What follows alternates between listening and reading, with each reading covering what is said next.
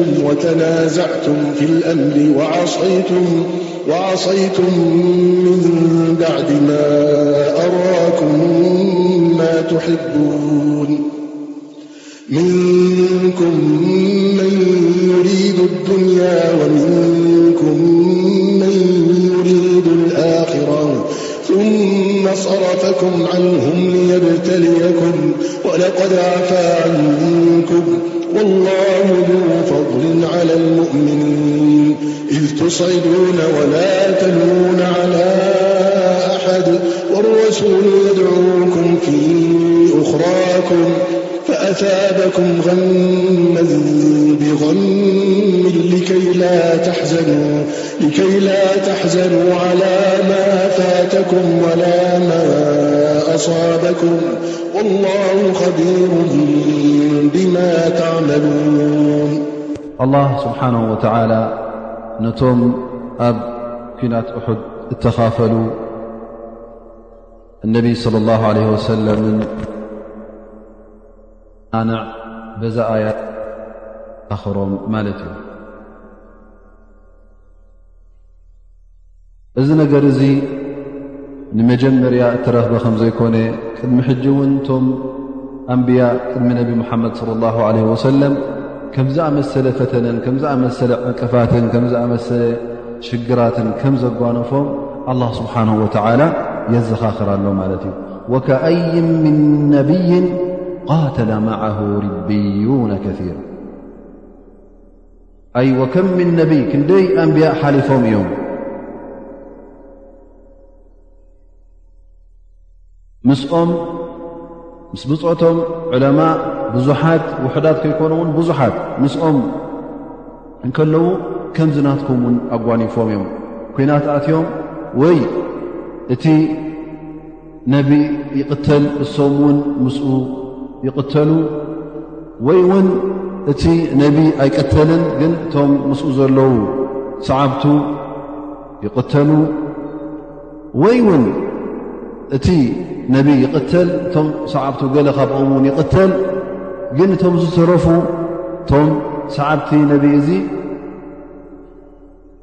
ነቲ ተረኽበ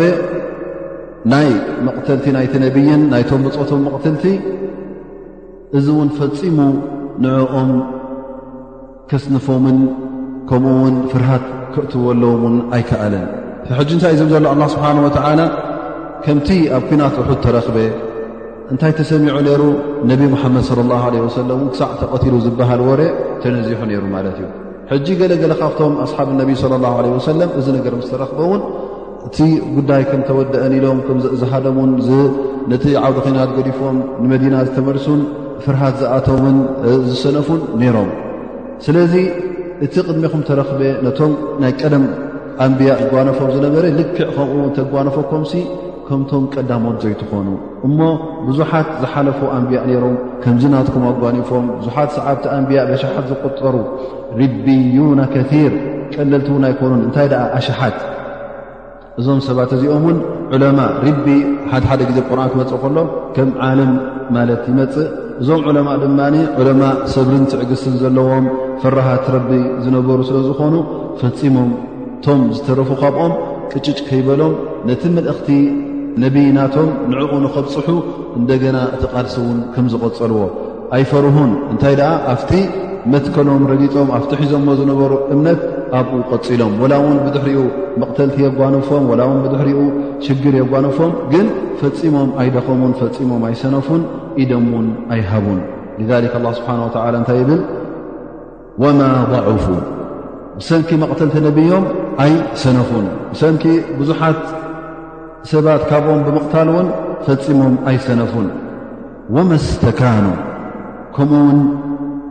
ካብቲ ሒዞሞ ነበሩ ንድሕሪት ኣይተመለሱን ወመርተዱ ኣይ እቲ ሒዞሞ ዝነበሩ ን ብኡ ቀጢሎም እዮም ቀፂሎሞ እቲ ነብዮም ዝዋግኣሉ ዝነበረ እቲ ነብዮም ዝቃለሰሉ ዝነበረ መትከልን እምነትን ንዕኡ ቀጥ ኣቢሎም ሒዞም ኣብቲ መትከል እቲ ጉዕዞኦም ቀፂሎም ዝረኸቦም እንተረኸቦም ቅጭጫ ይበሎምን ወላ እውን ይሙቱ ላ እውን ብድሕሪኡ ይንበሩ እቲ መትከሎም ፈፂሞም ኣይገደፍዎን ታዲኖም ፈፂኖም ኣይገደፍዋን ስለዚ እቲ ርእስኻ ምድናን ዝበሃል እቲ ውርደት ዝበሃል ከይወረዶም እንከሎ እዞም ሰባት እዚኦም እቲ ቃልሶም ቀፂሎሞ ኣላ ስብሓን ወላ እንታይ እዩ ዝብሎም ዘሎ ከምዚኦም ዘይትኾኑ ወማ ضዕፉ ወመስተካኑ ወላሁ ዩሕቡ ሳብሪን ኣላ ስብሓን ወተዓላ ድማ ከምዞም ሰባት እዚኦም ብትዕግስትን ብሰብርን ዝገጥምዎ ነቲ ጉዳይ ዝወረደ ውረዶም ዝኾነ ዕንቅፋት የጓንፎም ብምንታይ እዮም ዝገጥምዎ ነይሮም ብትዕግስቲ ኣላ ስብሓን ወተዓላ ድማ ነዞም ትዕግስተኛታት ሰባት ጥራይ እዩ ዝፈቱ ወላሁ ይሕቡ ሳብሪን እዚኦም እዞም ሰባት እዚኦም እዞም ዝሓለፉ ኣንብያ እቶም ዝሓለፉ ሰዓብቶም ነቲ ዘጓነፎም ሽግር ብትዕግስቲ ዝገጠምዎ እዞም ሰባት እዚኦም ኣላ ስብሓን ወተላ ይፈትዎም እዩ ብዛዕባኦም ከ ካልእ ነገር እንታይ ነይሩ ኣላ ስብሓን ወተዓላ እዞም ሰባት እዚኦም እዞም ዝሓለፉ ቅድሚ ነቢና ሙሓመድ ለ ላ ሰለም ዝነበሩ ኣንብያ ቅድሚ ሰዓብቲ ነቢና ሙሓመድ ለ ላ ሰለም ዝነበሩ ሰዓብቲ ኣንብያ እንታይ ይገብሩ ነይሮም ኣብቲ ዓውዲ ኩናት ክካፈሉ ከለውስ እንታይ እዮም ዝብሉ ነሮም እንታይ እዮም ከዝገብሩ ነይሮም ስለምንታይ ኢኸ ትዕግስትን ዓወትን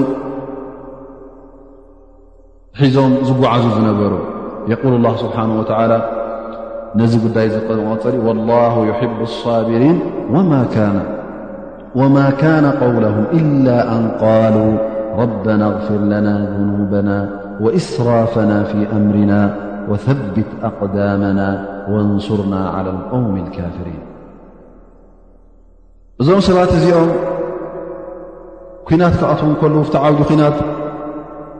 ንሶምን ፀላእቶምን ገፅ ንገፅ ክረኣዩ ከለዉ እታ ሞት ኣብ ቅድሚኦም ክትቀርብ ከላ እቲ ቓልሲ ከካይድዎ ከለዉ ናይ ኣዱንያ ነገር ዝጠልቡ ሰባት ኣይነበሩ እረ ኣጅሪ እውን ዝሓቱ ይነበሩን ኣንታ ረቢ ኣጅሪ ከተበልና ዝንቃለሱ ዘለና እውን ኣይበሉን ኣይኮነንዶ ናይ ኣዱንያ ናይ ሃብቲ ናይ ሰልቢ ነገር ንክሓቱስ ኣጅር ክተበልና እውን ኣይበሉን እንታይ ደኣ ኢሎም ነፍሶም ኩሉ ግዜ ጉድለት ከም ዘለዋ ኣብ ዘንቢ ከም ትወድቕ ስለ ዝፈለጡ እዞም ሰባት እዚኦም መጀመርያ ናብያ ተውኪሮም ካብ ኣላ ስብሓን ወተዓላ መቕፊራ ንክረኽቡ እቲ ዘለዎም ዘንቢ ኣላ ስብሓን ወተዓላ ንክድምስሰሎም ነብሶም ኩሉ ግዜ ሙቀስር ወይ ከዓ ብጉቡእ ንኣላ ስብሓን ወተላ እትግዛእን እተምልኽን ከም ዘይኮነት ስለ ዝፈልጡ ባር ኣላ ክነሱ ከምቲ ኣላ ስብሓን ወላ ዝኣዞም ኩሉ ነገራት ንኣላ ስብሓን ወላ እቲ ዝግብኦ ኣምልኾት ከም ጉቡእ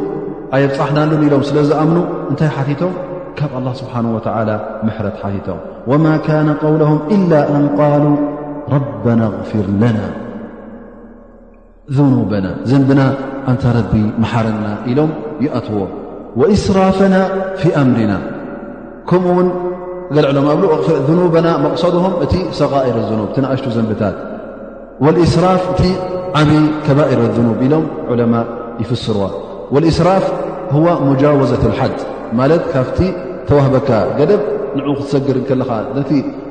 ገደብ ክትጥሕስ እንከለኻ ኢስራፍ ይበሃል ካብቲ ኣላ ስብሓን ወተዓላ ዝወሰነልካ ሕግን ገደብን ካብኡ ሰጊርካ ንዕኡ ክትጥሕስ እንከለኻ እዚ ሕጂ ኢስራፍ ይበሃል ፈዞም ሰባት እዚኦም ተቕድሚ ሕጂ ዝገበርናዮ እቲ ጌጋታትና ኣንታ ረቢ መሓረና ወኢስራፈና ፊ ኣምሪና ኢሎም ዱዓ እዮም ዝገብሩ ነይሮም ከምኡ ውን እንታይ ይብሉ ነይሮም ወብት ኣቅዳመና እቲ ዓወት እውን ብሓይሎም ክምፅዎ ከም ዘይክእሉ በቲ ሒዞሞ ዘለዉ ብረትን ዕጥቅን ክምፅዎ ከም ዘይክእሉ እንታይ ደኣ ብብዝሖም እውን ክምፅዎ ከም ዘይክእሉ መን ደኣሉ ዓወት ዘምፃኣሎም መን ደኣሉ ዝሕግዞም ኩሉ እንትንኦም ናብ መን ትፀጊዖም ማለት እዩ ሕጂ ናብ ኣላ ስብሓን ወተዓላ ድዖኦም ኩሉ ናብ ኣላ ስብሓን ወተዓላ ገይሮም ወሰቢት ኣቅዳመና እዮም ዝበሉ ወንሱርና ዓላ ልቀውሚ ልካፍሪን ነቶም ክሓቲ እውን ንሕና ንክንዕወተሎም ሓግዘና ኢሎም ንኣላህ ስብሓን ወተዓላ ድዓ ይገብሩ እዚ ሕጂ እንታይ እዩ ዘርእካ ዘሎ እዞም ሰባት እዚኦም ዓብዪ ኣደብ ከም ዝነበሮም ኣብቲ ኩናት ክኣትዎ ከለዎ እቲ ድዓ ክገብሩ ከሎ እውን ናብ ኣላ ስብሓን ወተዓላ ብኣደብ ዓብዪ ኣደብ ከም ዝቐረብዎ እሞ ኣንቱም ኣስሓብ ነቢ ኣንቱም ብፆት ነቢ ሙሓመድ ለ ላ ለ ወሰለም ኣብዚ ኩናት ክትካፈሉ ከለኹም ስለምንታይ ከምዞም ሰባት እዚኦም ዘይምገበርኩም ምኽንያቱ ተዘጓነፈ ሽግር እንታይ እዩ ነይሩ ኩሉ ግዜ ካብቲ ትእዛዝ ነቢና ሓመድ ለ ላ ለ ወሰለም መውፅኦምን ከምኡውን እቲ ዓወት መጀመርያ ምስ ረኣዩ ንሰልቢ ንምርካብ ነቲ ትእዛዝ ነቢ ሓመድ ስ ሰለም ከም ዝጠሓሱ ንዕኡ የዘኻኽሮም ኣሎ ማለት እዩ ስለምንታይ ከምዚኦም ዘይኮንኩም ከምዚ ዘይትገብሩ ኢሉ ኣላ ስብሓን ወተዓላ ናብዚ ነገር እዚ ይውጅሆም ኣሎ ማለት እዩ ፈዛ ኣያ እዚኣ ሕጂ እንታይ እያ ተብርሃልና ቀዳማይ ነገር እቲ ክሳራ እቲ ኣብ ኩናት ዘይምዕዋት ናቱ ጠንቂ ቀዳማይ ጠንቂ እንታይ እዩ ዘንቢ ከም ምዃኑ ዘንቢ እንተ ኣለካ ኮይኑ ዘንብኻ እንተ በዚሑ ኣላ ስብሓን ወላ ኣብ ዓውዲ ኩናት እውን ዓወት ከም ዘይበካ እዞም ሰባት እዚኦም እውን ኣብቲ ዓውዲ ኩናት ገና ክኣት ከሎ ኣላ ስብሓን ወላ እቲ ዘንቦም ኩሉ ንክስር ዘሎም ሓቲቶም እንተ እቲ ዘንቦም እውን ተቐፊሩሎም ኣላ ስብሓን ወላ እዞም ሰባት እዚኦም ክዐውቶም እዩ ካልኣይ ነገር ድማ ኩናት ትኣቱ ከለኻ ኩሉ ግዜ ኣብ ዓውዲ ኩናት ትቀርብ ከለኻ ናብ ኣላ ስብሓን ወላ ክትፅጋዓ ኣለካ ደኣ እምበር ናትካ ሓይልን ናትካ ዕጥቅን ናትካ ብዝሕን ናትካ ክእለትን ናትካ ኣእምሮን ናትካ ሓንጎልን ክዓጅበካን ናብኡ እውን ክትፅጋዕ የብልካን ናብ መዳእ ትፅጋዕ ናብ ኣላ ስብሓን ወላ ኣላ ስብሓን ወላ ቀጥ ኣቢሉ መዓንጣኻ ኣብዚ ኩናት እዚ ከምዘይተሃድምን ኣብዚ ኩናት እዚ ንክትዕወትን ኣላ ስብሓን ወላ ክሕግዘካ ድዓ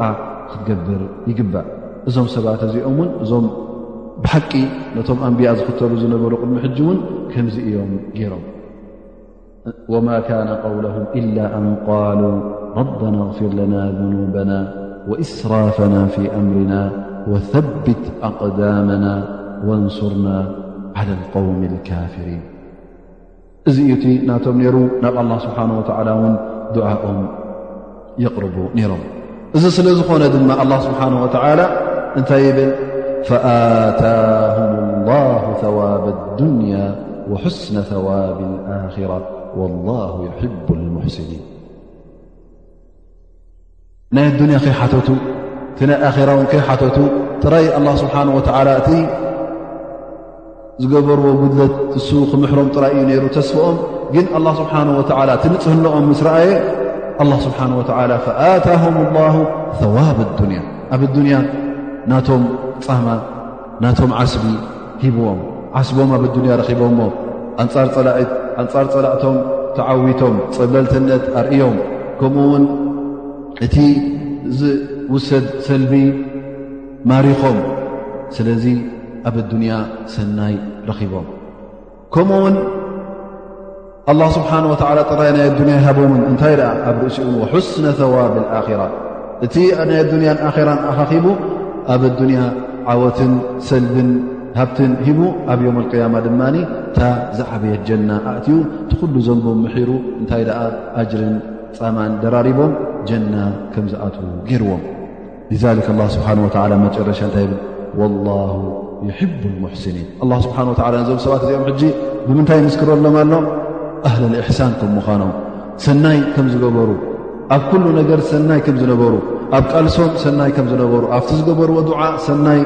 ዱዓ ከም ዝነበረ እቲ ጅሃድ ዝገበርዎ ጅሃድ እውን ሰናይ ጅሃድ ከም ዝነበረ እቲ ቀጢሎም ደድሕሪ ነብዮም ምስቲ ነቢ ዝሃቦም በስቲ ኢማኖም ተቐጥ ኣቢሎም ዝሓዝዎ እምነትን ተቐጥ ኣቢሎም ዝሓዘዎ ዲንን ሰናይ ከም ዝነበሪ ኣላ ስብሓን ወተዓላ እዞም ሰባት እዚኦም ሰብ ሰናይ ስለ ዘበሩ ገበርቲ ሰናይ ስለ ዝነበሩ ኣላ ስብሓን ወተዓላ ድማ ፈትዎም ማለት እዩ ወላሁ ይሕቡ ልሙሕሲኒን ኣላ ስብሓን ወተዓላ ከምዚኦም ዝኣመሰሉ ሰባት እዩ ዝፈቱ እዞም ሰባት እዚኦም ድማ ኣላ ስብሓን ወተዓላ ሙሕሲኒን ሰብ ሰናይ ገበርቲ ሰናይ ኢሉ ዝምስክረሎም ላሁ ስብሓን ወላ ዞም ሰባት እዚኦም ሙሕሲኒን ኢሉ ክገልፆም እንከሎ እቲ ዝገበርዎን እቲ ዝኸፈለዎን መስዋእትን እስትሽሃድን ቃልስን እዚ ኩሉ ምስ ረኣየ እዚ ኩሉ ንኣላ ስብሓን ወላ ኢሎም ስለ ዘቕረብዎ እውን ኣላ ስብሓን ወላ እዞም ሰባት እዚኦም ኣብ ኣዱንያን ኣብ ኣኼራን ኩሉ ብሰናይ ፈድዎም ማለት እዩ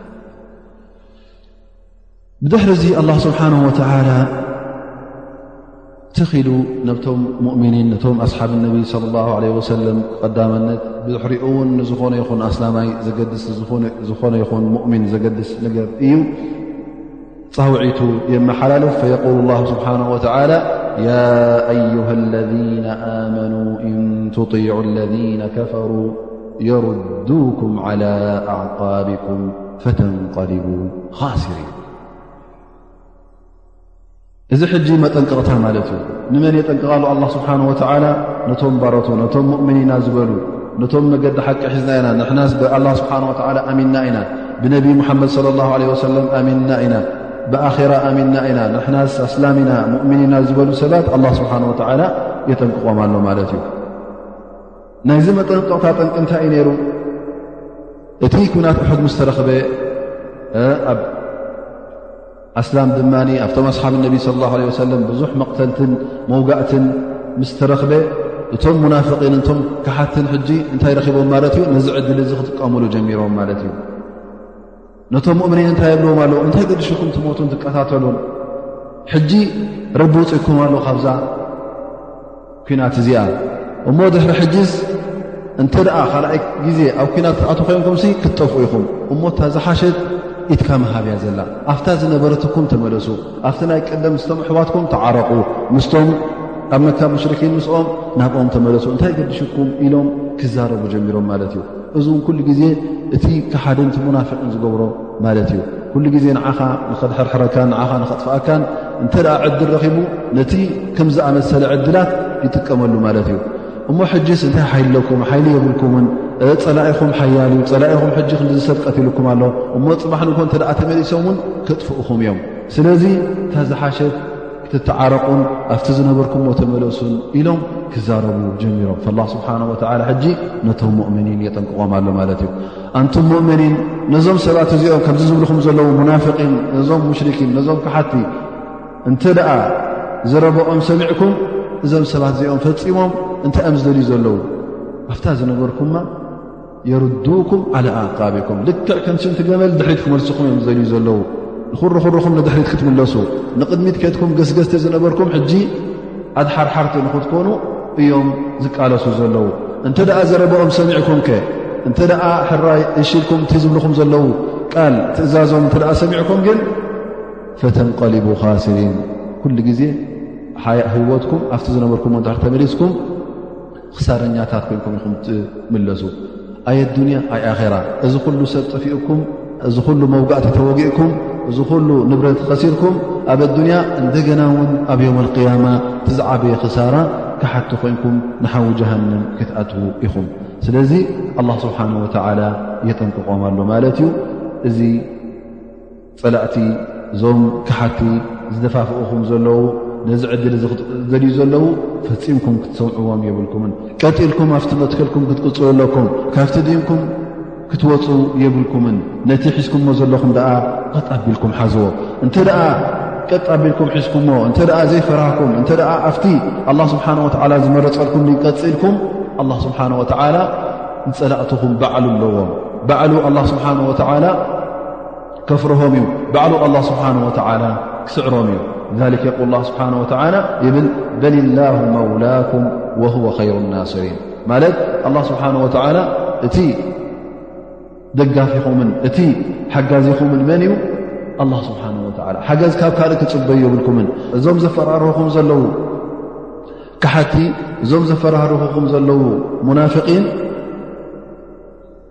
እሞ ክትሞቱን ኢኹም ክትቅተሉ እዮም ዝብልኹም ዘለዉ ቃሎም ኣይትስምዑ እቲ ንዓኹም ዝድግፍን እቲ ንዓኹም ዝሕልውን እቲ ንዓኹም ዝዐውትን ኣላ ስብሓን ወተዓላ እዩ ስለዚ ናብኡ ተፀግዑ ፈፊ ሃ ኣያ እንታይ ኣሎ ማለት እዩ ሓን ዓላ እትኻድ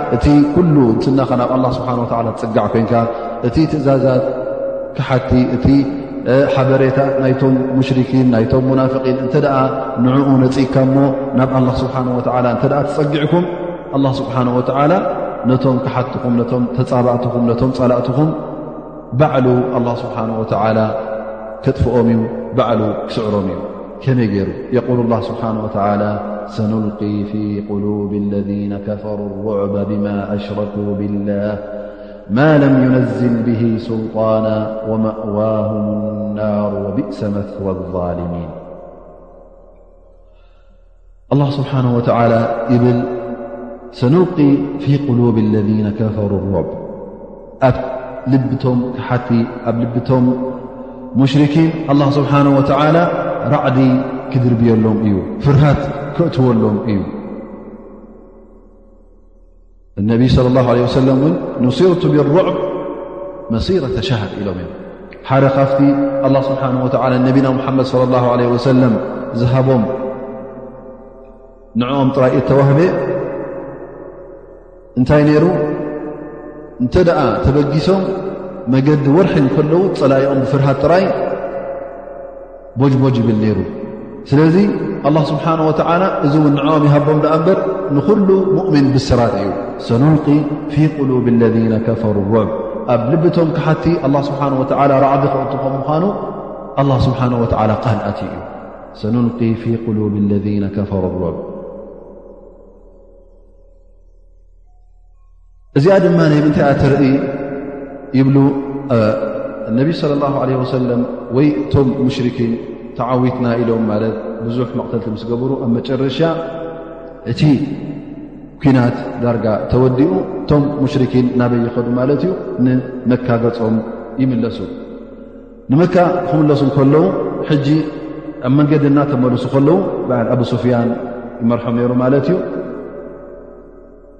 ይጣዓሱ እንታይ ይብሉ ንሕናስ ሕጂ ተዓዊትና ነርና እሞ ብዙሓት እውን ቀትልና ኣሎም ነርና ግን ዝተረፉ ኣለዉ እቶም ተቐትሉ ኩሎም ኣይኮኑ እሞ ሕጂስ ዓባይ ዕድል ሓሊፋህና ንኩሎም ሲ ክነጥፍኦም እዩ ነሩና ክንልሕሶም ክነጥፍኦም እዩ ነሩና ወላ ሓደ ክንገድፍ ኣይነበረና እሞ እዛ ዕድል እዚኣስ ከመይ ገርና ተጋጊና ኢሎም ተጣዒሶም ማለት እዩ መንገዲ እሞስ ሕጅስ ክንምለሳ ኣለና ኢሎም ክሓስቡ ጀሚሮም እዚ እውን ምስ ሓሰቡ እነቢ ስለ ላሁ ለ ወሰለም እዚ ወረዚ እውን ይመፁ ማለት እዩ እዚ ምስ መፀ እነቢ ስ ሰለም ነቶም ኩሎም ኣብ እሑድ ተኻፈሉ ወላ ውንቶም መቕሰልትን መውጋእትን ዝነበሮም ኩልኹም ፅባሕ ንግሆ ምሳይ ውፅ ይብሎም ማለት እዩ ናበይ ወፅ ማለት እዩ ንሓምራ ኣልኣሰ ትበሃል ቦታ ንወገን እሑድ ድድሕሪ እቶም ሙሽርኪን ይስዕብ ማለት እዩ ሕጂ እቶም ሙሽርኪን ክምለሱ ምስ ሓሰቡ ክምለሱ ምስ ደለዩ እንታይ ይሰምዑ ነቢ ሙሓመድ صለ ላሁ ለ ወሰለም እውን እቶም ዝተረፉ መካ ዝነበሩ ኣብ መዲና ዝነበሩ ብፆቶም እቶም ኩሎም ሕጂ ሕኒኦም ንኽፈድዩ ደድሕሪኹም ይስዕቡ ኣለዉ ዝብል ወረ ይመፆም ማለት እዩ እዚ ምስ ሰምዑ ሕጂ እንታይ ይኣትዎም ራዕዲ ይኣትዎም ማለት እዩ እቲ ሓሲቦሞ ዝነበሩ ሕጂ መፂኦም ነታ መዲና ንክኣትው ንዝኾነ ይኹን ኣስላማይ ዘብኡ ንክቀትሉ እዮም ሓሲቦም ነይሮም ግን ኣላ ስብሓን ወተዓላ ፍርህን ራዓድን የእትወሎም ኣብኡ ከለዉ ንመካ ገፆም ይምለሱ ላ ስብሓን ወተዓላ እዚ እዩ እውን ራዕዲ ከም ዘእተወሎም ብግብሪ እውን ይገልፅ ማለት እዩ ሰኑንቂ ፊ ቁሉብ ለذነ ከፈሩ ኣሩዕ እዚ ፍርህን እዚ ራዕድን ድማ ብሰንኪ እንታይ እዩ ዝመፅእ ኩሉ ግዜ ፍራህ ዝኸውን መን እዩ እቲ ብሓቂ እምነት ዘይብሉ ሰብ እዩ እቲ ሙእምን ክፈርህ እውን ይብሉን ላ ስብሓን ወላ ነዞም ክሓቲ ስለምንታይ እዩ ፍርህ እቲ ሎም የቁል ላ ስብሓን ወተላ ሰኑልቂ ፊ ቁሉብ ለذነ ከፈሩ ብማ ኣሽረኩ ብሰንኪ እንታይ ብሰንኪ ብኣላ ስብሓን ወተዓላ ሽርካ ስለ ዝገበሩ እቲ ኢማኖም ናይ ሓቂ ኢማን ስለ ዘይኮነ እዞም ሰባት እዚኦም ዝምርከስዎ ሓቀኛ ጎይታን ሓቀኛ ኣላህን ስለ ዘይብሎም እቲ ዘምልኽዎ እምንን ስእልን ምስልን ስለ ዝኾነ እዞም ጎይቶቶም እዚኦም እዞም ከም ኣምላኽ ከም ጎይታ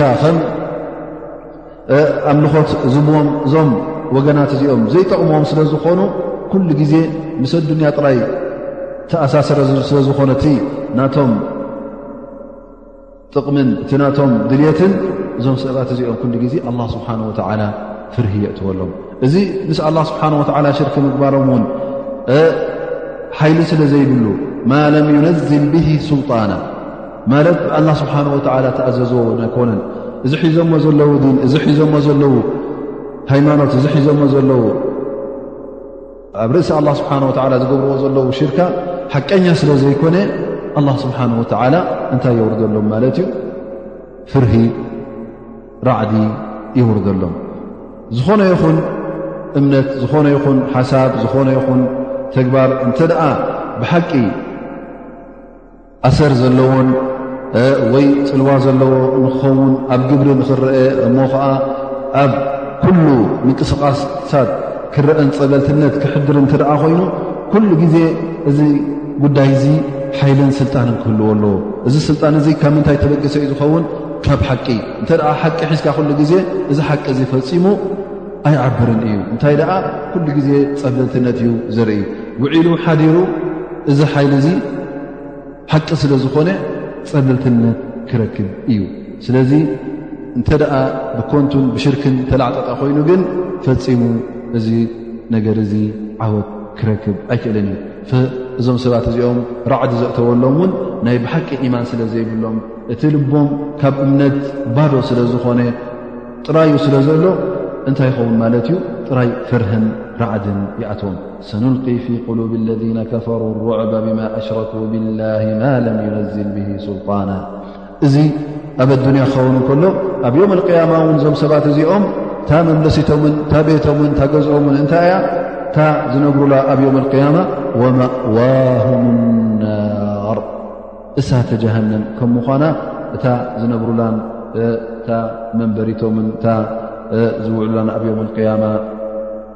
መዕለቢቶም እንታይ እያ እታ ሓዊ ጀሃንም እሳ ድማ እታ ዝኸፍአት ቤትን እታ ዝኸፍአት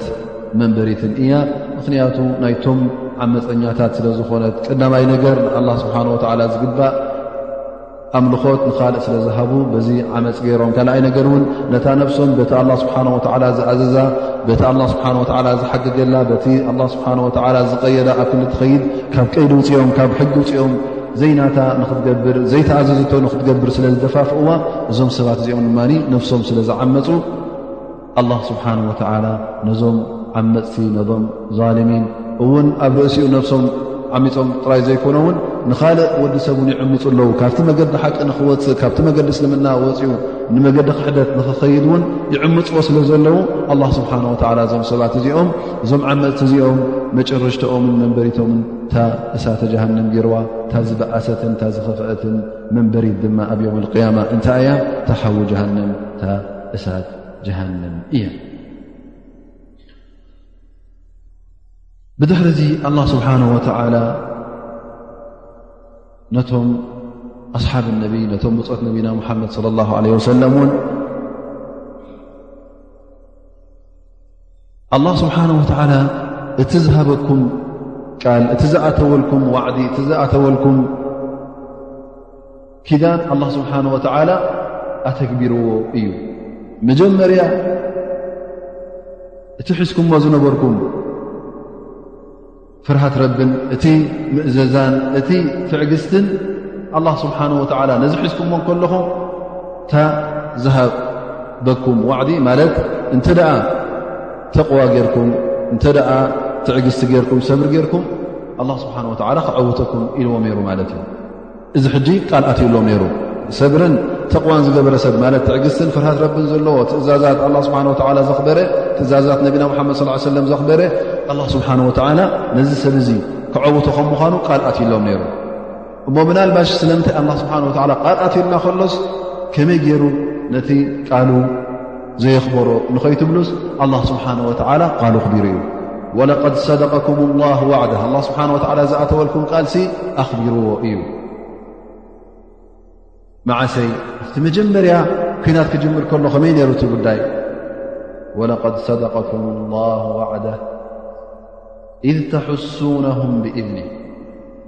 ነቶም ፀላእትኹም ኣብቲ መጀመርያ ኩናት ትእዛዝ ነቢና ሙሓመድ ስ ሰለም ቀጥ ኣቢልኩም ሒዝኩም ከለኹም እቲ ኩናት እውን ብትዕግስቲ ክትገጥምዎ ከለኹም ኣላ ስብሓን ወተዓላ ኣዓዊትኩም እዩ ኢዝ ተሕሱኖም ንፀላእትኹም ትቐትልዎም ነርኩም ትልሕስዎም ነርኩም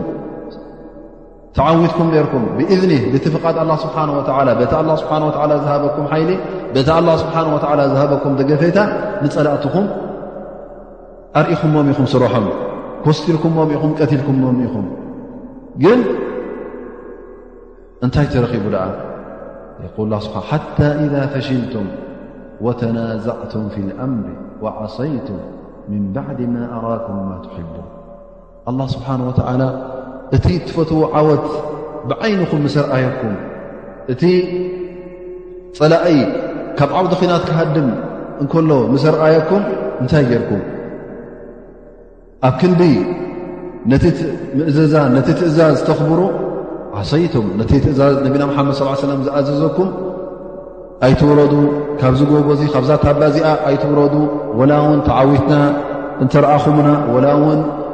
ተሳዒርና እንተረኣኹምናስ ኣይትውረዱ ተባሂልኩም ከለኹም ሲ እዚኣ ቀዳመይቲ ማዕስያ ገርኩም ከምኡ እውን ነንሕትኩም ተሰሓሒብኩም ሓታ ኢዛ ፈሽልቱም ማለት ፈሽልቱም ፍርሃት ኣትኩም ማለት እዩ እቲ ፍርሃት መእተዊ እንታይ እዩ ነንሕቶም ክሰሓሓቡ ስለ ዝጀመሩ ወተናዛዕቱም ፊ ልኣምር ፍርቅኹም ንውረድ ኢልኩም እንታይ ኩናት ተወዲኡ ሕጂ ዝተዓዊትና ኢና ንልካ ሰብ ኩሉ ሰልቢ ይሰልብ ኣሎ እሞ ንሕናስ እንታይ ኮፍ ዘብል ኣለና ኢልኩም ክትወርዱ ተዘራሪኩም እቶም ካልኦት ድማ ንሕናስ ከምቲ ነቢና ሓመድ ስ ሰለም ዝኣዘዘና ትእዛዝና ነኽብር ኢልኩም ነንሕትኩም ተሳሒብኩም እሞ ሓደ መርገፅ ከይሓዝኩም ገሌኹም ወይ ከዓ መብዝሕትኹም ነቲ ትእዛዝ ነቢና ሙሓመድ ስ ሰለም ነፅኩም እቶም ውሕዳት ሰባት ጥራይ ኣብታ ታባ ስለ ዝተረፉ ሕጂ መብዝሕትኹም ነቲ ትእዛዝ ስለ ዝኸሓትኩ ነቲ ትእዛዝ ስለ ዝነፀግኩም እዚ ሕጂ እንታይ ኮይኑ ማለት እዩ ምን ባዕዲ ማ ኣራኩም ማ ትሕቡን እቲ ኣላ ስብሓን ወላ እቲ ትፈትዎ ዓወት ምስ ርኣየኩም እንታይ ጌርኩም ማዕስያ ጌርኩም ነቲ ኣላ ስብሓን ወላ ነቲ ነቢና ሓመድ ስ ሰለም ዝኣዘዝዎ ነፅግኩም ንዑ ጥሒዝኩም ነንሕትኩም ትሰሓቕ ምስ ጀመርኩም እንታይ ኮይኑ እቲ ጉዳይ ማለት እዩ ኣንጻርኩም ተገምጢሉ ስለዚ እታ ኣላ ስብሓን ወላ ዝሃበኩም ቃል ኣኽቢርዋ እዩ እቲ ቃል ዘኽበረ መን እዩ ንስኹም ኢኹም ቃል ዘኽበርኩም እሞ ካብቲ ዝሃበኩም ኣላ ስብሓን ወላ ትእዛዝ ካብቲ ስብርን እቲ ትዕግስትን እቲ ምእዘዛን ንዕኡ ኣብ ግብሪ ስለ ዘየውዓልኩምሞ ኣላ ስብሓን ወላ ድማ እቲ ቅድሚ ኩነት ሸርት ስለ ዘጥፋእኩም እቲ ውዕል ኣላ ስብሓን ወተዓላ እውን ኣብ ግብሪ ኣይውዓልን ማለት እዩ ذ ኣላ ስብሓን ወተላ እንታይ የሎም ኣሎ ምንኩም መን ዩሪዱ ዱንያ ወምንኩም መን ዩሪዱ ኣራ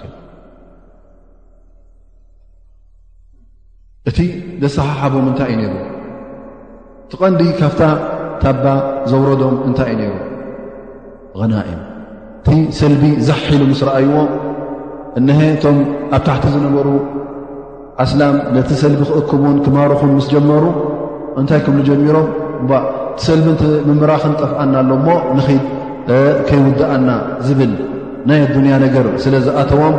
እቲ ጥማዕ ናይ ኣዱንያ ስለ ዝኣተዎም ነተን ቅሩብ ስልቢ ንኸይጠፍኦም ክኣርዩን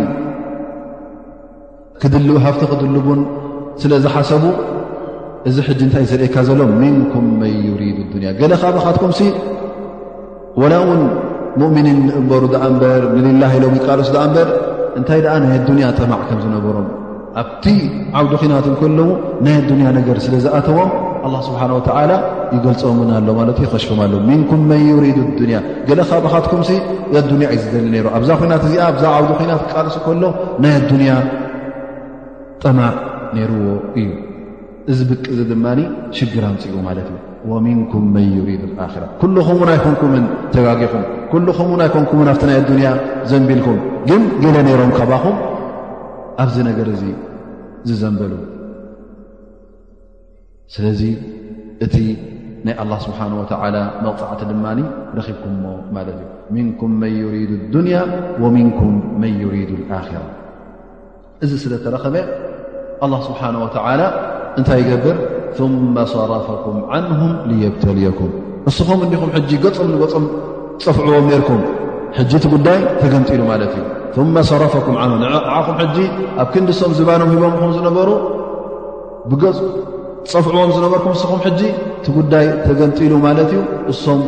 ኣንፃርኩም ክሃርምኹም ጀሚሮም ማለት እዩ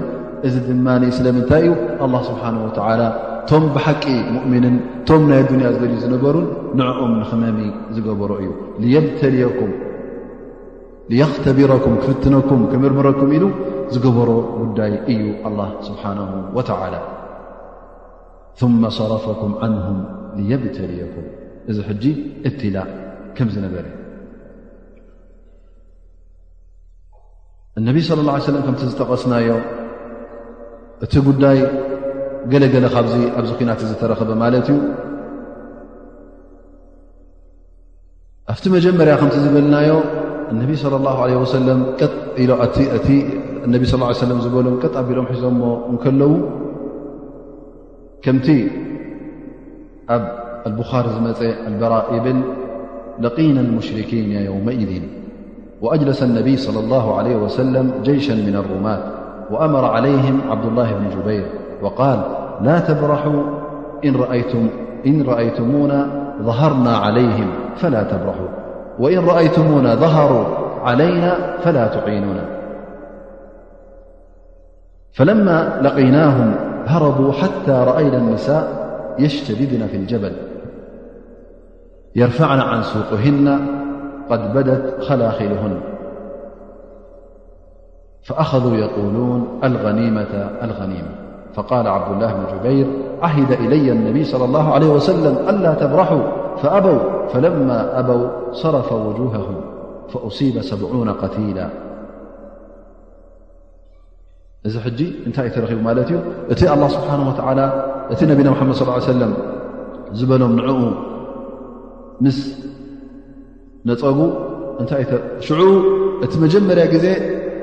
እቲ ዓወት ዳርጋ ኩሉ ርኦሞ ማለት እዩ እተን ኣንስቲ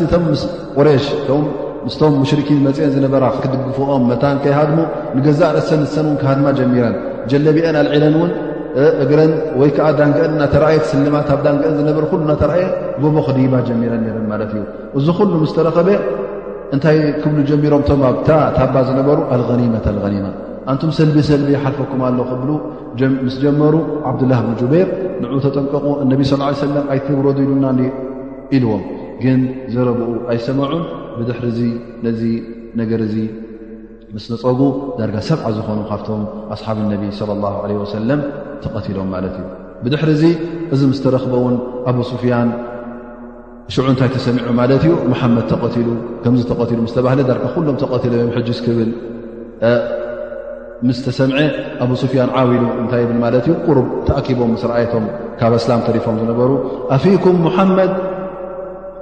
ኢሉ ይዛረብ ማለት እዩ ላ ስ ነቢ ስ ሰለም ላ ትጂቡ ይብል ኣይትመልሱሉ ብድሕሪኣ ኣፊኩም እብኒ ኣብ ቆሓፋ ማለት ንኣብበከር ረ ላ ማለት ኣብበከር ኣሎዶ ምሳኹም ስቕበሉ ኣይትመልሱሉ ኣፊኩም ዑመር ዑመር ከሎ ምሳኹም ኢሉ ይሓትት ማለት እዩ ኣፊኩም እብና ኸጣብ ፈነቢ ስ ሰለም ኣይትመልሱ ብ ግን ሰይድና ዑመር ነዚ ነገር እዚ ዝያዳ ሕርቃን ስለ ተሰምዖ ከዘብተ ይዓድዎ ኣላ ብሎ ማለት እዩ እዞም ኩሎም ዝበልካዮም ኣለዉ ንዓኻ ውን ፅባሕ ንግሆ ክርእዩካ እዮም ስራሕካ እስኻ ውን ደቂስካ ይትሕደር ብሎ ማለት እዩ ዓድው ላ ድ ኣብቃ ለካ ማ ይሕዝኑ ንዓኻ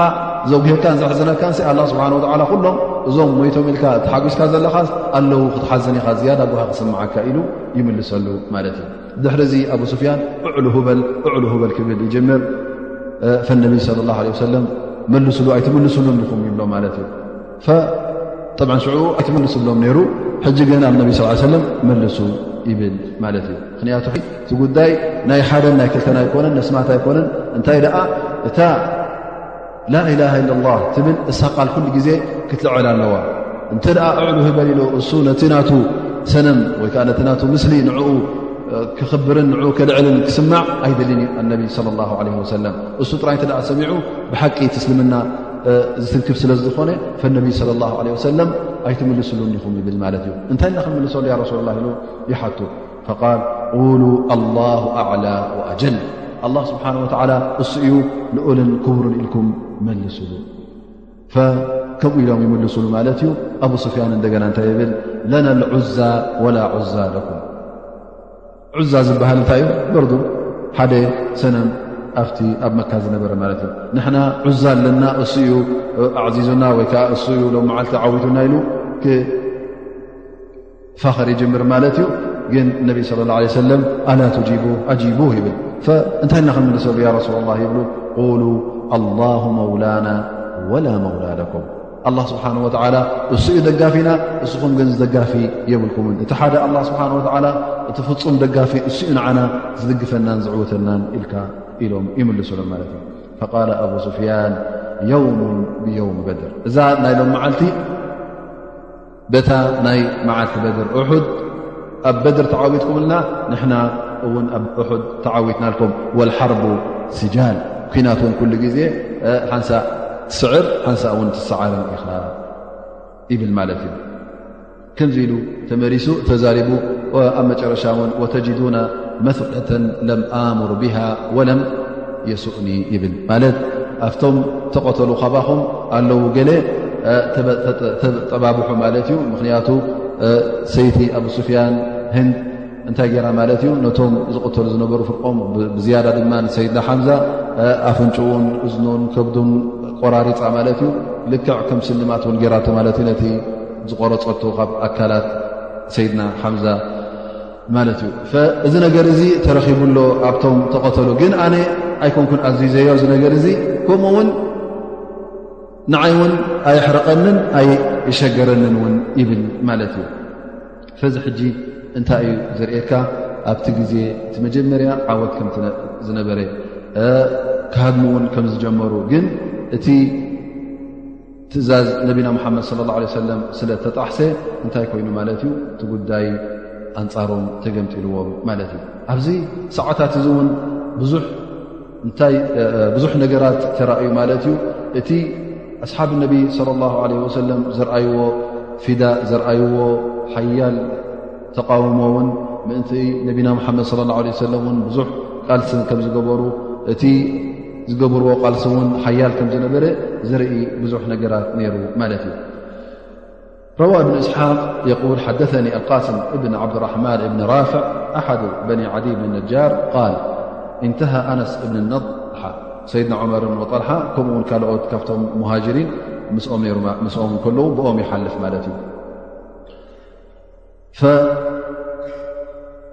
እዞም ሰባት እዚኦም ብዙሕ ገለ ነይሮም ማለት እዩ ተኣኻኺቦም ግን እቲ ኩናት ስለ ዝረኣይዎ ደው ኢሎም ማለት እዩ እንታይ ተሰሚዑ ነይሩ ማለት እዩ መቕተልቲ ናይ ነቢና ሓመድ ስለ ላ ሰለም ተቐትሉ ስለ ዝነበረ ክተስፋ ኮይፆም እንታይ ተረኪብሎም እቲ ነገር ሕጂ ኣሸጊርዎም ማለት እዩ ሃም ኣትዎም ም ኣትዎም ዝኒ ኢሎም ይርኦም ማለት እዩ ፈቃለ ሕጂ እንታይ ይብሎም እንታይ ኮንኩም ኢኹም ከምዝኮንኩም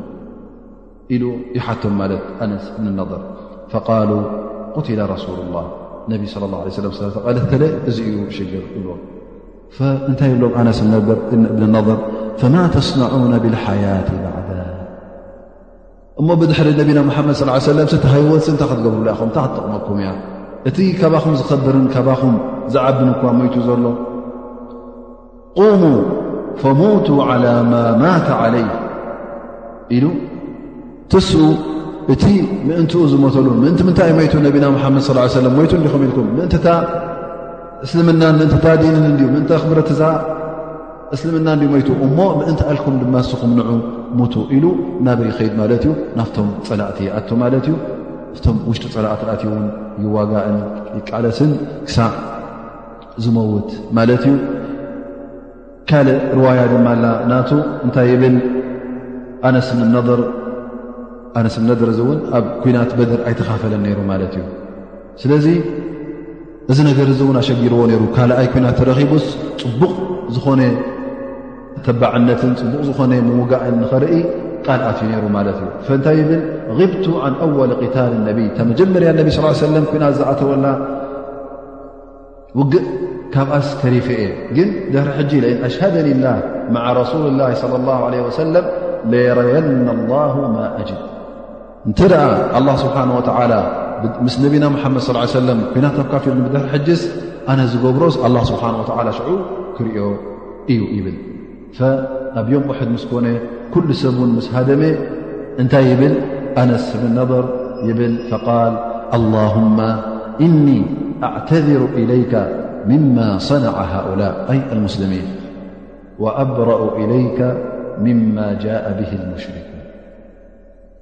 فتقدم بسيفه فلقي سعد بن معاذ فقال أين يا سعد إني أجد ريح الجنة دون أحد فمضى حتى قتل فما عرف حتى عرفته أخته ببنانه أو بشامة وبه بضع وثمانون طعنة وضربة ወረምየት ኒሳን ኣነስ ብ ነድር እዚ ሕጂ ከም ስለ ዝበለ እታ ኮይናት ውሑድ ምስ ተረኽበት ኩሉ ምስ ሃደመ እውን እንታይ ይብል ኣንታ ረቢ ኣነ ብዞም ኣሕዋተይ ዞም ብፆተይ ዞም ኣስላም ዝገበርዎ ይቕሬታ ሓተልካ እቲ ሙሽርኪን ዝገበርዎ ድማ ኣነ ካብኡ በሪ ናፃ እየ ኢሉ ጠኒኑ ናበይ ይኣት ሴፉ ናብቲ ፀላኢ ይኣቱ ማለት እዩ ንኣብ ቅድሚኡ እውን ንሰዓድ ይረኽቦ ያ ሰዓድ ኣነስ ሽታ ናይ ጀና ኣብዛ ቅቅድሚ ሑድ ኣብዛ ጥቓ ጎቦ ትጨንወንላ ይብል ማለት እዩ ትኽኪሉ ናብቶም ፀላእቲ ይኣቱ ይዋጋእ ይቃተል ማለት እዩ ክሳዕ ዝቕተል እሞ ምስ ተቐተለ እውን ብክቱር ማህረምቲ 8ያ ማህረምቲ ናይ ሰይፍን ናይ ኩናትን ናይ ማንቲክራማን ኣብ ነፍሱ ወቂዑ እታ ገፁ ከምዘይትፍለጥ ስውነቱ ከምዘይፍለጥ ኮይኑ ማለት እዩ ብጀካ ሓፍቲ እውን ዝፈለጦ ሰብ ኣይነበረን ክትፈልጦ ከላ እውን በታ ኣፃብዕቱ ፈሊጣቶ ማለት እዩ እታ ቁራፅ ኣፃብዕቱ ሓፍቱ ስለ ዝኾነት ኩሉ ስውነቱ ፅቡቅ ገራ ስለ ትፈልጦ ሓፍቱ ኣብቲ ሜዳ ኣብቲ ዓውዲ ኩናት ምስ ርኣየቶ ወዲቑ ተቆራሪፁ ምስ ርኣየቶ እታ ክትለለየሉ ዝኸኣለት ብምንታይ ነራ ማለት እዩ በታ ኣፃብዕቱ ማለት እዩ ስለዚ ኣብዚ ኩናት እዚ ከምዚ ዝኣመሰለ ቅያን ከምዚ ዝኣመሰለ ፍዳይነት ከም ተዋህበ ውን የርእና ማለት እዩ እቶም ኣስላም እቶም ኣስሓብ ነቢ ገሊኦም ሃዲሞም ክበሃል ከሎ እቲ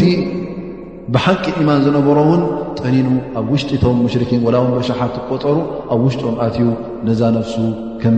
ዘቕተለን ነዛ ነፍሱ ፊዳ ከም ዝሰደደን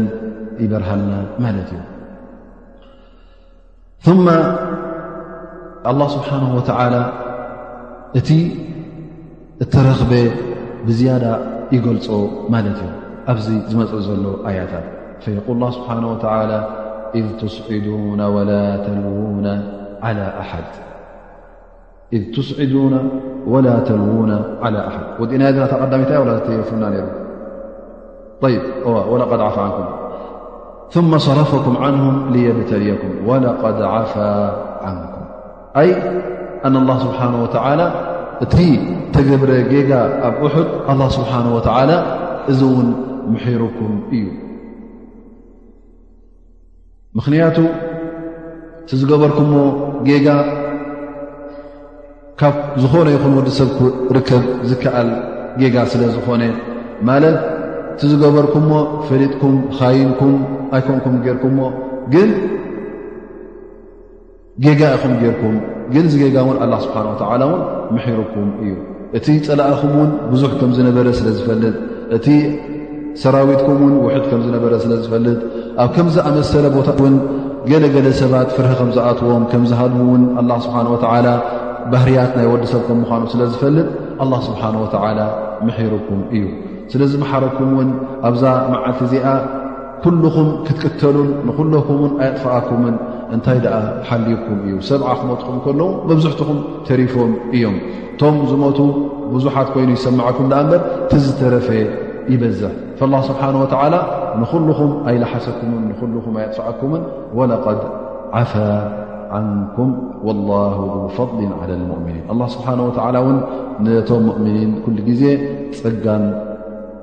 ሽሻይ ይህቦም እዩ ነቲ ብሓቀኛ ሙእሚን ዝኾነ ውን ኣላ ስብሓን ወተዓላ ጸጋ የውርደሉ እዩ ኣብ ኣዱንያ ይኹን ኣብ ኣኼራ ይምሕሮን ኣብ ዮም ልቅያማ እውን ኣጅሪ ይኸትበሉን ስለዚ ኣላ ስብሓን ወተዓላ እቲ ዝገበርኩሞ ጌጋ ሰሪዙልኩምን ምሕርኩምን እዩ ኢሉ ኣላ ስብሓን ወተዓላ ነቶም ኣስሓብ ነቢ ነቶም ብፀት ነቢና ሙሓመድ ለ ላ ለ ወሰለም የበስሮም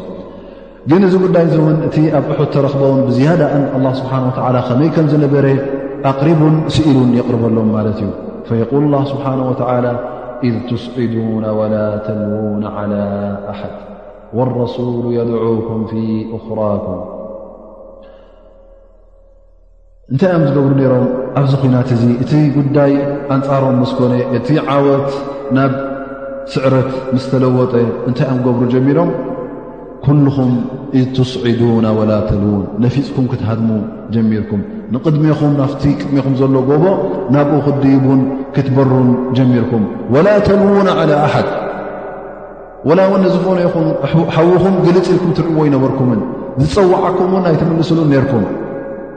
ኢዝ ትስዒዱና ወላ ተልዉና ዓላ ኣሓድ ግልፅ ኢልካ ምርኣያ ኣይነበረን ምኽንያቱ ፍርህን ራዕድን ስለ ዝኣተወኩም ካብዚ ዓውዲ ኩናት ኩልኹም ንኽትሃድሙ ናብቲ ጎቦ ገፅኩም ጎይኹም ማለት እዩ በቲ ዝነበረኩም ፍርህን ራዕድን እውን ንሓደ ሰብ ውን ግልፅ ኣይበልኩም እንታይ ደኣ ጠኒንኩም ናበይ ተወጅህኩም ናብቲ ጎቦ ንላዕሊ ክድይቡ ጀሚርኩም ወረሱሉ የድዑኩም ፊ እኽራኩም ከምዚ እናገበርኩም ከለኹም ግን እነቢ ስለ ላሁ ለ ወሰለም ካብቲ ዓውዲ ኺናት ኣይሃደመን እንታይ ደኣ ብድሕሪኹም ኮይኑ ንዑ ተመለሱ እዩ ዝብለኩም ዝነበረ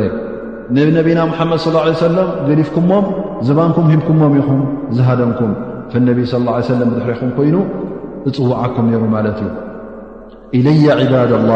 ኢለያ ዕባድ ላ ኣንቱም ባሮት ኣላ ንዑ ናባይ ንዑ ናባይ ተመለሱ ኢሉ ይፅዋዓኩም ነይሩ ግን ዝሰምዕ ሰብ ኣይነበረን ምኽንያቱ እቲ ፍርሂ እቲ ምህዳም ብርቱዕ ስለ ዝነበረ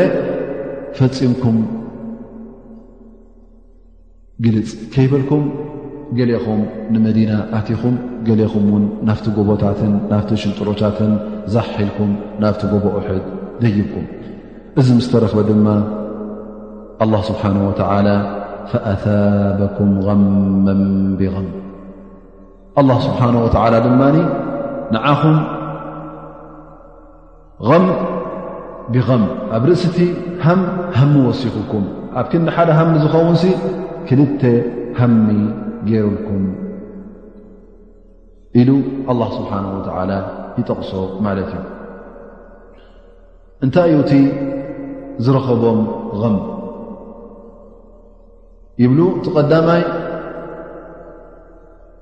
ብሰበብ ልሃዚም ማለት እቲ ዝወረዶም ስዕረት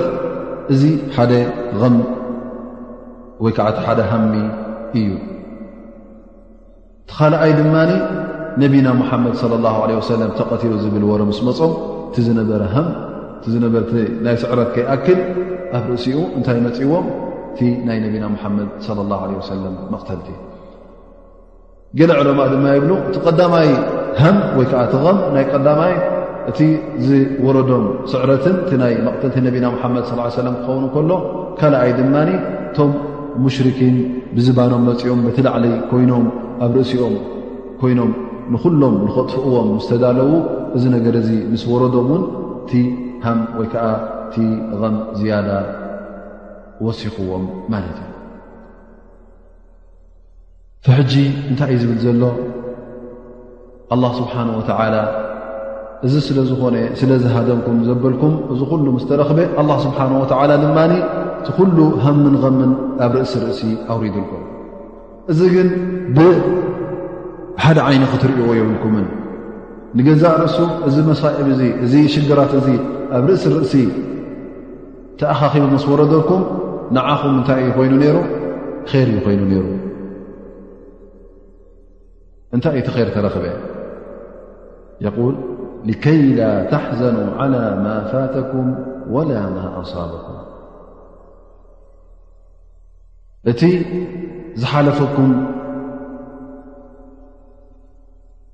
ሰልቢ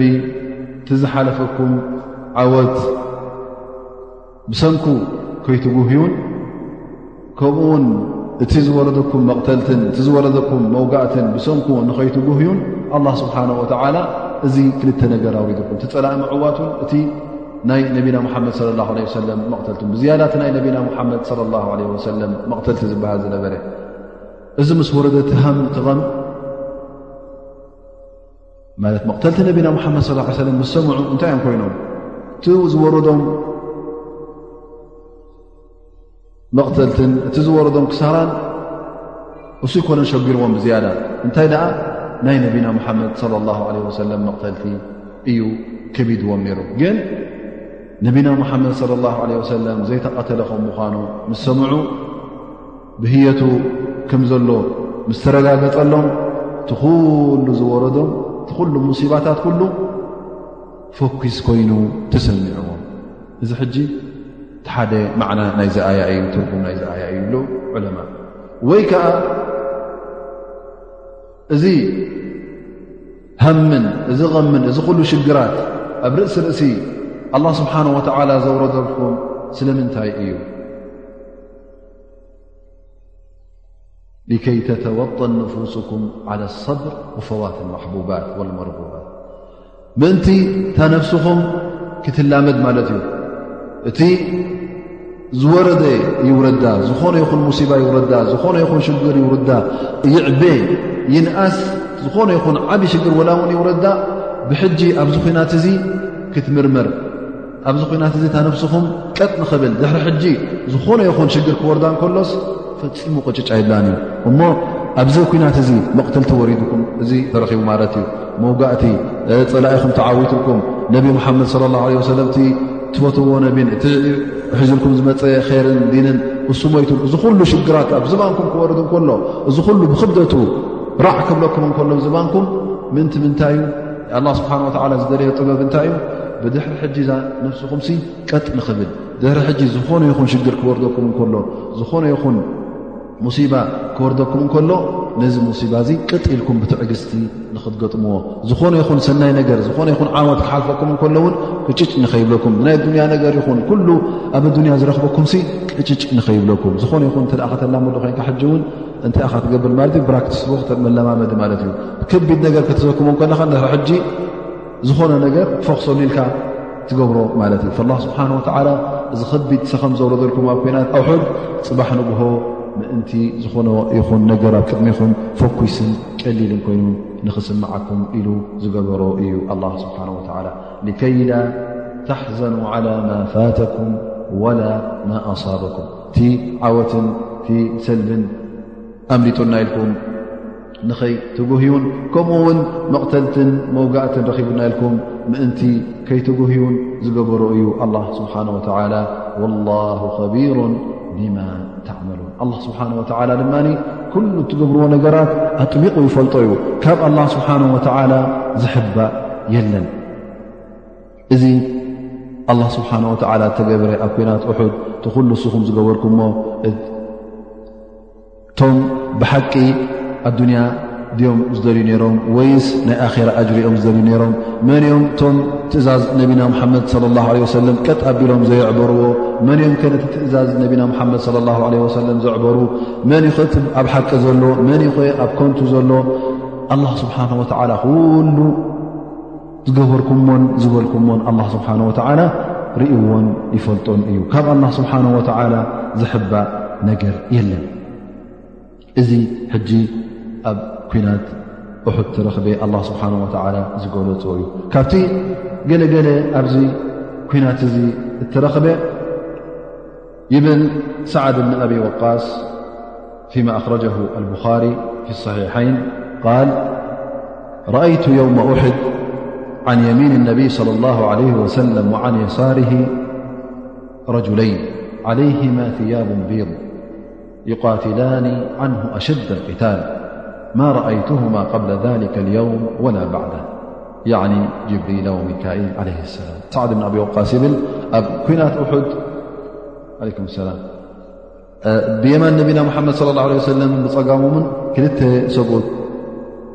ክዋግኡ ርኤ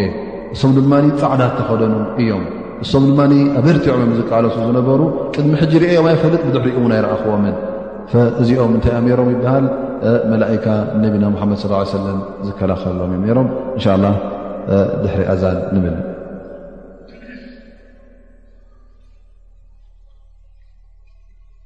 ካብቲ ኣብ ኩናት ሑድ እተረኽበ እውን ኡበይ እብኒ ኸለፍ ኣብ መካ ከሎ እንታይ ይብል ነይሩ ኣነስ ንሙሓመድ ንረሱል ላ ስ ሰለም ኣነ እየ ዝቐትሎ ይብል ነይሩ ማለት እዩ ኣነ እየ ክቐትሎ ኢሉ ይፍክር ነይሩ እዚ ፈኸራ እዚ እዚ ማሕላ እዚ ምሒሉ ነይሩ ማለት እዩ ፈኪሩን ምሒሉን ኣነስ ንሙሓመድ ባዕለይ ብኢደ እየ ዝቐትሎ ኢሉ ይፍክርን ይምሕልን ነይሩ እዚ ቃል እዚ ናብ ነቢና ሙሓመድ ስ ሰለም ምስ በፅሐ በል ኣነ ኣቕትል እንሻ ላ ይብል ኣነ እየ ዝቐትሎ እምበኣር ኣነ እንሻ ላ ይብል ነቢና ሙሓመድ ለ ላ ሰለም ኣብ ኩናት ኡሑድ ምስ ኮነ ሕጂ ትጸብዘንትነት እውን ናይቶም ሙሽርኪን ምስ ተረኣየ ኡበይ ሕጂ እዛ ዓድል እዚኣ ክጥቀመላ ይደሊ ማለት እዩ ፈኣቕበለ ኡበይ ኡበይ ሕጂ ሓፃውንቲ ደቢሲ እዩ ነይሩ ማለት እዩ ፅቡቕ ገይሩ ድርዒ ተኸዲኑ ገፁ እውን ተሸፊኑ እዩ ነይሩ ማለት እዩ ፈመፅእ ማለት እዩ ላ ነጀውቱ ኢነጃ ሙሓመድ መሓመድ ተሪፉስ ኣነ ኣይተርፍን እየ ሙሓመድ እንተ ናፃ ወፅኦ ካብዛ መቕትልትስ ኣነ ኣይተርፍን እየ እናበለ ናብ ነቢና ሙሓመድ ለ ላ ለ ወሰለም ህጁም ይገብር ማለት እዩ ነቢና ሙሓመድ ለ ላ ለ ወሰለም ክቐትሎም ኣብ መንገዲ ህናኦም እናተወጀሁ ከሎ ሕጂ ሙስዓብ እብኒ ዑመይር ነዚ ምስ ረኣየ ሙስሓብ ይመፆ ማለት እዩ ምስ ሙስዓብ ይገጥሙ ንሙስዓብ ይቀትሎ ማለት ንሙስዓብ ቀትሉ ናበይ ይሓልፍ ናብ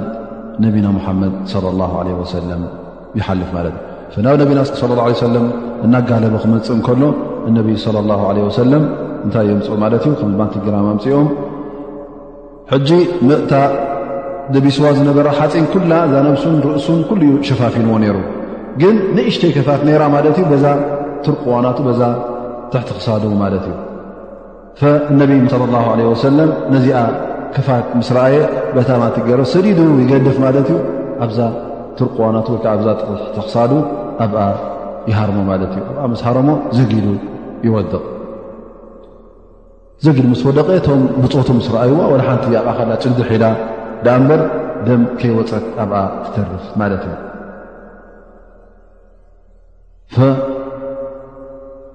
ምስ ወደቐ ልክዕ ከም ብዕራይ ይግዕር ማለት እዩ ኣንታ እንታይ ኮንካ ኢኻ ይብልዎ ሰኡልካ ፍርህ ኣትኳ ዋዕ ተእዊ ይብልዎ ማለት እዩ ሕጂ ብፆቱ የልዕልዎ እንታይ ይብል በል ኣና ኣቕትሉ ኡበይ ኣነስ ንኡበይ ኣነ ክቐትሎ የብል ነይሩ እሞኒ ሕጂ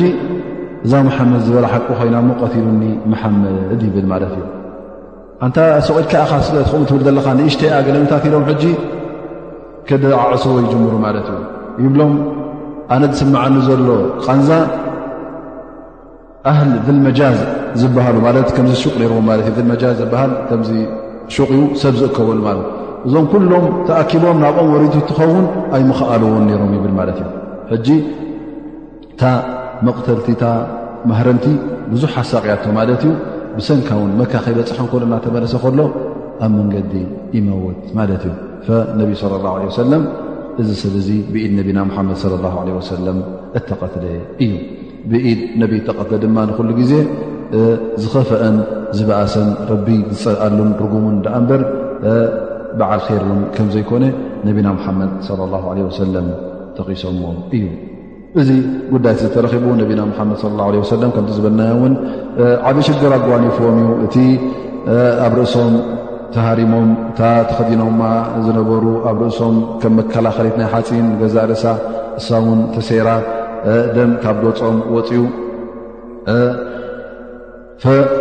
ጓሎም ፋጢማ ረድ ላ ዓንሃ መፅኣ ንገፆም ትሓፅበሎም ራ ክትሓፅበሎም ከላ ደም እውን ደው ምባል ኣብዩ ደው ምባል ምስ ኣበየ ኣብ መጨረሻ እንታይ ትገብር ማለት እዩ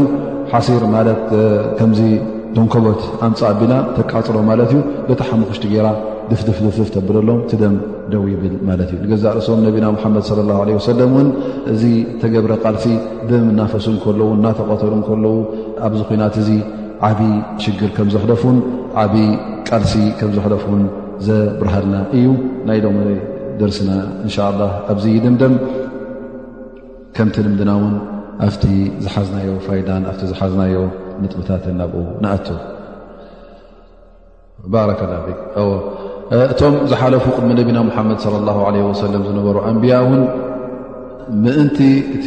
ዲኖም ምእንቲ እቲ ሒዞሞ ዝነበሩ ዲን ምእንቲ እቲ ሒዞሞ ዝነበሩ መልእኽቲ ካብ ኣላ ስብሓን ወተዓላ ተላእኽዎ ንሶምን እቶም ሰዓብቶምን እቶም ምስኦም ደድሕሪኦም ዝስዕቡ ዝነበሩ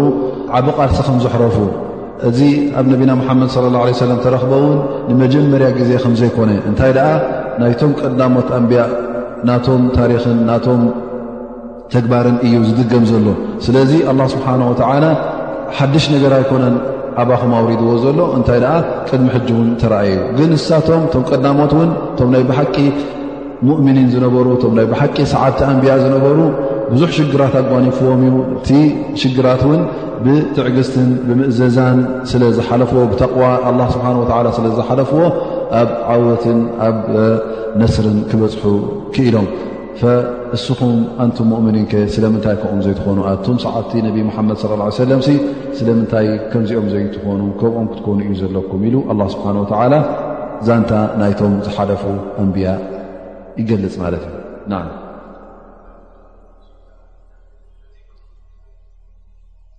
ባረከ ላ ፊክ ትእዛዝ ነቢ ሙሓመድ ለ ላ ለ ወሰለም እንተ ነፅግካ እተ ካሊፍካ እውን ኩሉ ግዜ ኣላ ስብሓን ወተዓላ ከምዘይስምረልካን ከምዘይውፍቀካን ዓወት እውን ከምዘይትጎናፀፍን ሎም መዓልቲ በዚ ተረክበ በሪህልና ኣሎ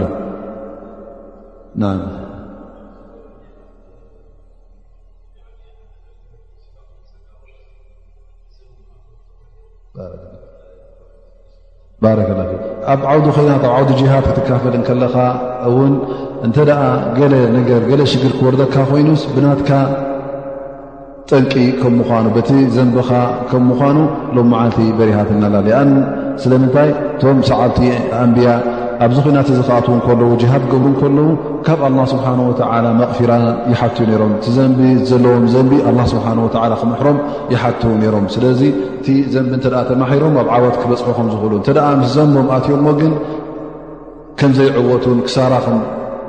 ዘጓንፎምን ስለ ዝኣምኑ በዚ ናይ ሎም መዓል ደርሲ በሪሁልና ንብል ይኹዋን ባረከላ እወ እታ ሎም መዓልት ወስዳ ትምህርቲ እውን ኣስተምህሮ እውን እነቢ ስለ ላሁ ለ ወሰለም መራሒ እንከሎ ከምኡ ውን ነቢ ብኣላ ስብሓን ወተዓላ ምሩፅ እንከሎ እዚ ኩሉ እንከሎ ነቢ ስ ሰለም እቲ ጉዳይ ሱቕ ኢሉ ኣይረኣዮን እንታይ ደኣ ብዝከኣኖ መጠን እቲ ዝኾነ ይኹን ሰበብ ናይ ዓወት ገይርዎ እዩ ማለት እዩ ነናቶም ቦታ ኣትሒዝዎም እዩ ኣብቲ ኩናት እውን ባዕሉ ብተወፋይነት ተኻፊሉ እዩ እቲ ማህረምትን ቲ መቕሰልትን እውን ልክዕ ከምቶም ናብ ብፆቱ ዝወረደ ናብኦም ውን ወሪዱ እዩ እንታይ ደኣ ብዝያዳ እውን ነቢ ሙሓመድ صለ ላه ለ ወሰለም ኣርሒቆም ተሓቢኦም ኮፍ ኣይበሉን እንታይ ደኣ ኣብቲ ውሽጢ ዓውዲ ኩናት ኣብቲ ቃልሲ እውን ብዝያዳ እሶም እዮም ቀጥ ኢሎም ሰቢቶም እቲ ኩሉ ክሃድም እንከሎ ነቢና ሙሓመድ صለ ላه ለ ሰለም ፈፂሞም ንድሕሪት ኣይተመለሱን እንታይ ደኣ ንቕድሚ ጥራዮም ዝብሉ ነይሮም ማለት እዩ ኩሉ ሽግር እናወረዶም እንከሎ ፈፂሞም ክሃድሙን ንድሕሪት ክምለሱን ኣይተረኣዩን እንታይ ደኣ ይቃለሱን ኣብቲ ውሽጢ ኩናት እዮም ነይሮም ብዝከኣሎም መጠን ድማ ዝኾነ ይኹን ናይ ዓወት ጠንቂ እውን ይጥቀምሉ እዮም ነይሮም ማለት እዩ እዚ ሕጂ ተዓቢ ተወፋይነት ናቶም የርእየና ማለት እዩ برك الله فيك نع الله سبحانه وتعلى ف نبنا محمد صى اله عيه وسلم فل ل زهب نر ና ጉዕዞ وርح كل بتኦም ፀليኦም እታይ يخون ر رعد فرهة يأتዎ ر ዚ ن محمد صى اه يه ولم وب أعطيت خمسا لم يعطهن أحد قبلي نصرت بالرعب مسيرة شهر